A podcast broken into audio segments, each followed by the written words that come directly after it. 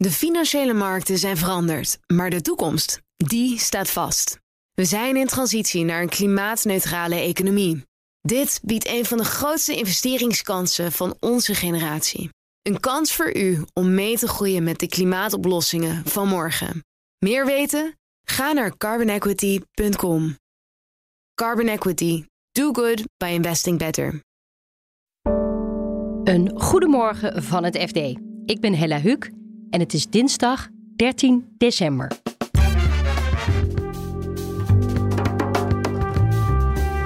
Er is een nieuwe gasterminal nodig om aan de vraag in Europa te voldoen. Het is niet zo dat Nederland daar als enige op aast. Uh, dus je moet ook wel echt uh, goed in die markt zitten.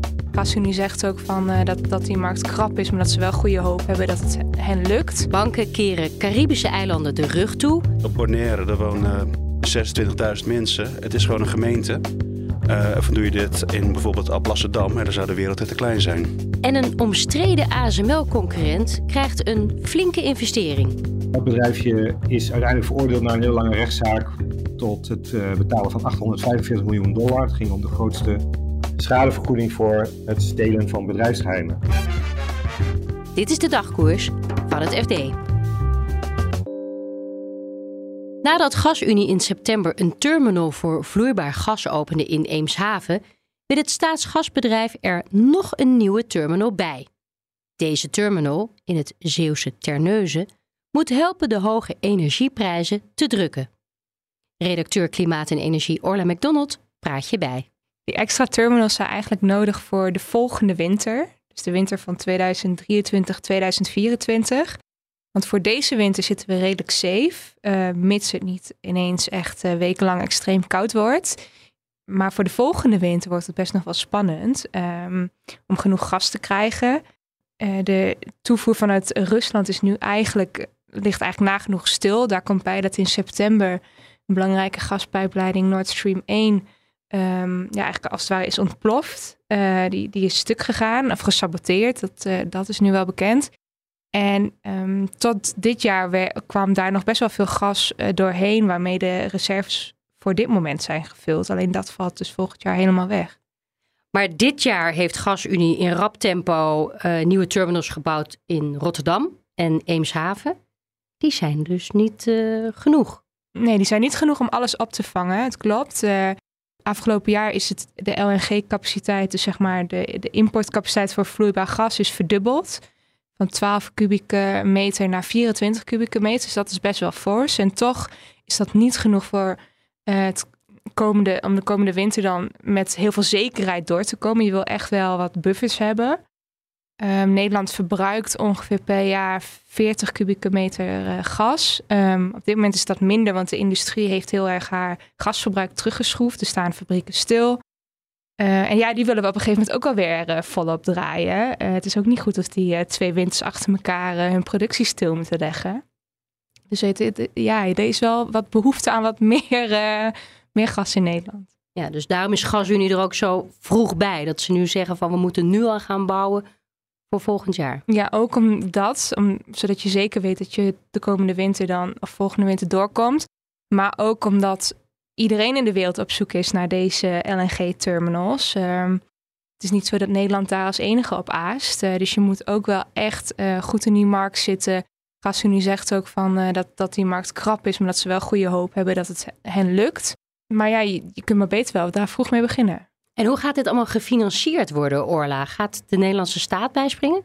De nabijspringen, de vorige keer toen die LNG-terminals in de Eemshaven kwamen, um, dat kostte toen ongeveer 450 miljoen. En de overheid stond garant voor 210 miljoen. Als de um, ja, inkomsten tegen zouden vallen of als er iets toch niet geregeld uh, zou worden, iets niet zou lukken. En het lijkt erop dat de overheid nu weer zo'n voor zo'n constructie gaat. Dus weer garant wil staan voor een gedeelte van de investering. Maar ja, voor de rest moet uh, GasUnie dat uh, die investering gewoon terugverdienen via het verkopen van dat uh, gas. En dat lijkt mij op zich op dit moment uh, niet een heel groot probleem. Dat er best wel wat klanten zijn, afnemers die dat gas willen kopen en dan weer willen verkopen op de Europese gasmarkt. Ze willen in Rotterdam uitbreiden. Er moet een hele nieuwe terminal komen in Terneuzen. Is er dan wel voldoende capaciteit?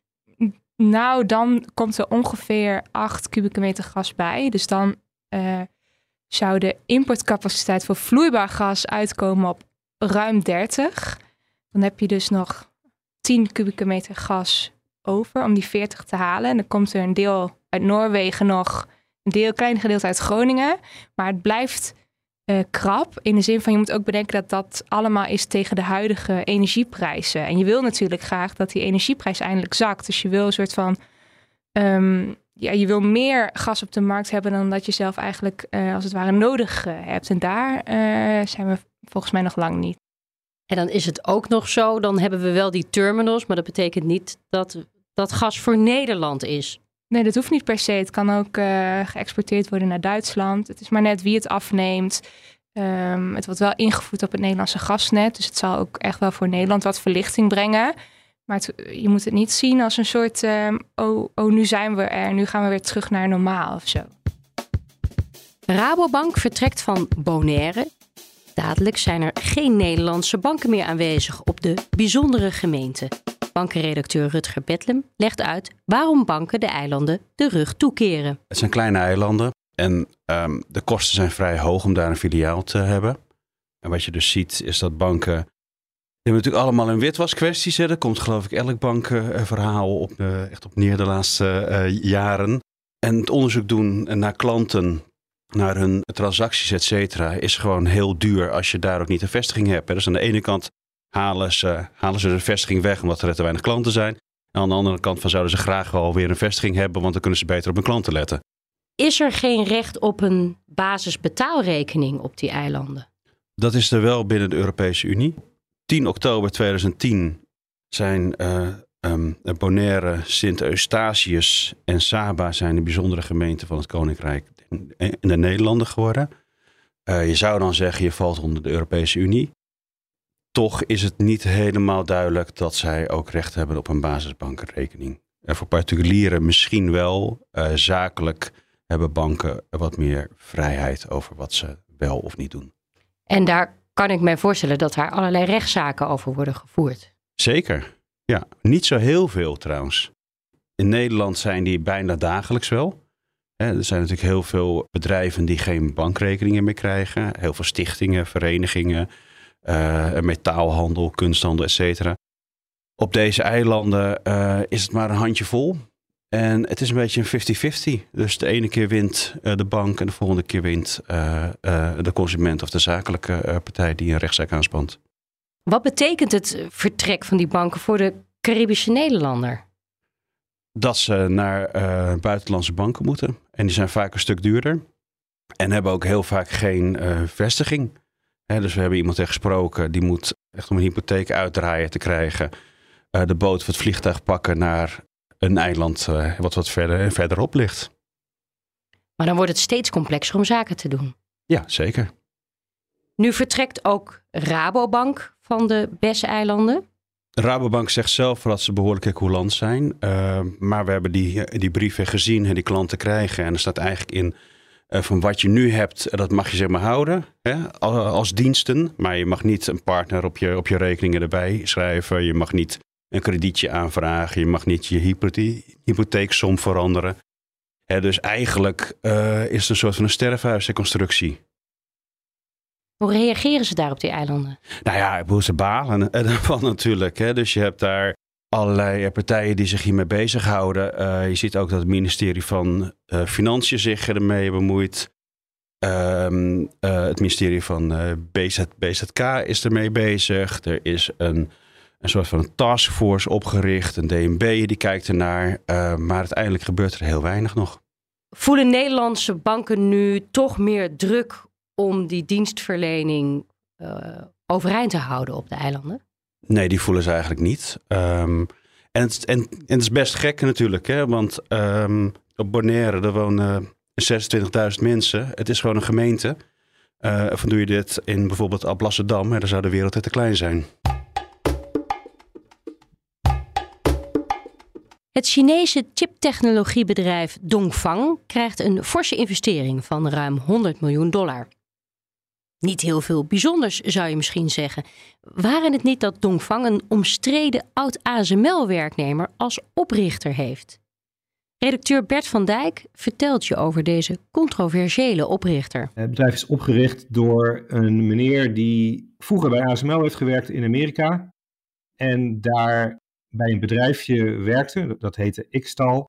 En dat bedrijfje is uiteindelijk veroordeeld na een heel lange rechtszaak tot het uh, betalen van 845 miljoen dollar. Het ging om de grootste schadevergoeding voor het stelen van bedrijfsgeheimen. Uh, en hij, uh, dat bedrijfje is toen failliet gegaan, want die kon dat niet betalen. En hij is toen naar Amerika gegaan, is verder gegaan met Dongfang Jingyuan. En daar heeft hij grote ontwikkeling doorgemaakt de afgelopen jaren, precies op twee terreinen waar ASML ook heel erg actief is. En dat is ook de technologie die gestolen is. Dat wil dus niet zeggen dat het één op één ook de, de, huidige technologie is die hij gebruikt, maar het is wel um, nou ja, daardoor omstreden, omdat hij ook nog steeds wordt gezocht in de VS voor die bedrijfsspionage. En nu zit hij in China met dit bedrijf. Ja. Wat doet het bedrijf precies? Nou, het bedrijf is ook een chipmachinefabrikant, maar het maakt niet zoals ASML uh, lithografiemachines. Dus op dat gebied concurreren ze ook niet. Maar zij maken twee dingen eigenlijk die ASML ook doet. En het ene is, zij ontwikkelen software die ervoor zorgt dat de machines zoals die van ASML veel nauwkeuriger kunnen draaien en dus steeds kleinere onderdelen op chips kunnen printen. En dat is heel erg belangrijk, omdat nou ja, die race om steeds kleiner en snellere chips te maken, die is daarvan afhankelijk. En ook ASML zelf zegt dat dat een hele cruciale bouwsteen is voor, uh, voor chipmachines. Dus dat is één deel, dat is het ontwikkelen van software. En dat is ook het deel technologie die destijds is gestolen. En een ander deel wat zij doen, dat is inspectieapparatuur. En dat, is, dat zijn apparaten waarmee je de wevers, dus dat zijn die siliciumschijven waaruit de chips worden gemaakt, ja, kunt checken op defecten. En ook dat is heel belangrijk, omdat als die chips kleiner worden, dan wil je de kleinste defectjes kunnen ja, registreren. En daarvoor heb je allerlei technologieën. Uh, en ook daar zijn zij uh, op actief. En dat is ook een belangrijk segment voor ASML aan het worden. China wil heel erg graag onafhankelijk worden met zijn uh, chipindustrie. Ze willen meer zelf gaan maken. Is dit ja. bedrijfje nu een concurrent van ASML? Nou ja, het is in verhouding, als je kijkt naar groottes en omzetten, is het echt totaal onvergelijkbaar. Maar het is wel een bedrijf dat heel erg snel groeit. En ook, de, nou ja, er zijn nu 30 investeerders ingestapt. Ze hebben vorig jaar ook al een financieringsronde gehad van toen honderden miljoenen yuan nou ja, er, gaat heel veel geld in korte tijd in en het wordt ook ondersteund met subsidies vanuit de overheid. Ze zijn ook aangemerkt als, ja, ik geloof dat noemen ze Little Giants. Dus dat zijn een aantal bedrijven waarvan de overheid, uh, nou ja, uh, graag ziet dat ze heel groot worden.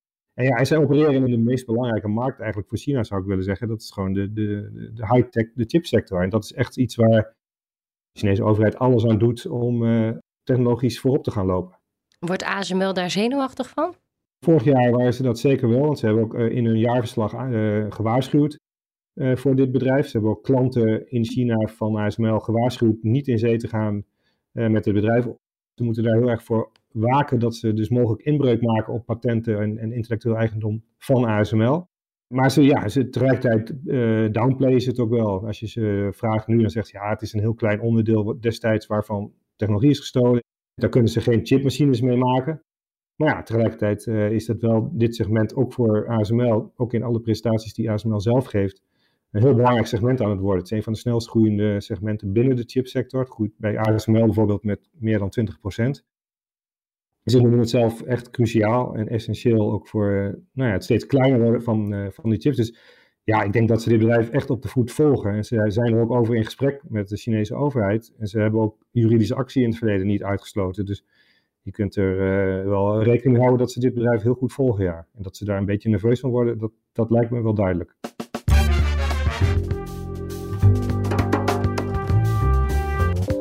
Dit was de dagkoers van het FD. Morgenochtend staat er weer een nieuwe aflevering voor je klaar. In de tussentijd kan je al het financieel-economisch nieuws lezen op fd.nl. Een fijne dag en tot morgen.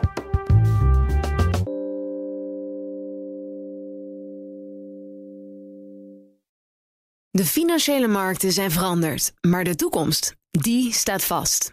We zijn in transitie naar een klimaatneutrale economie. Dit biedt een van de grootste investeringskansen van onze generatie. Een kans voor u om mee te groeien met de klimaatoplossingen van morgen. Meer weten? Ga naar carbonequity.com.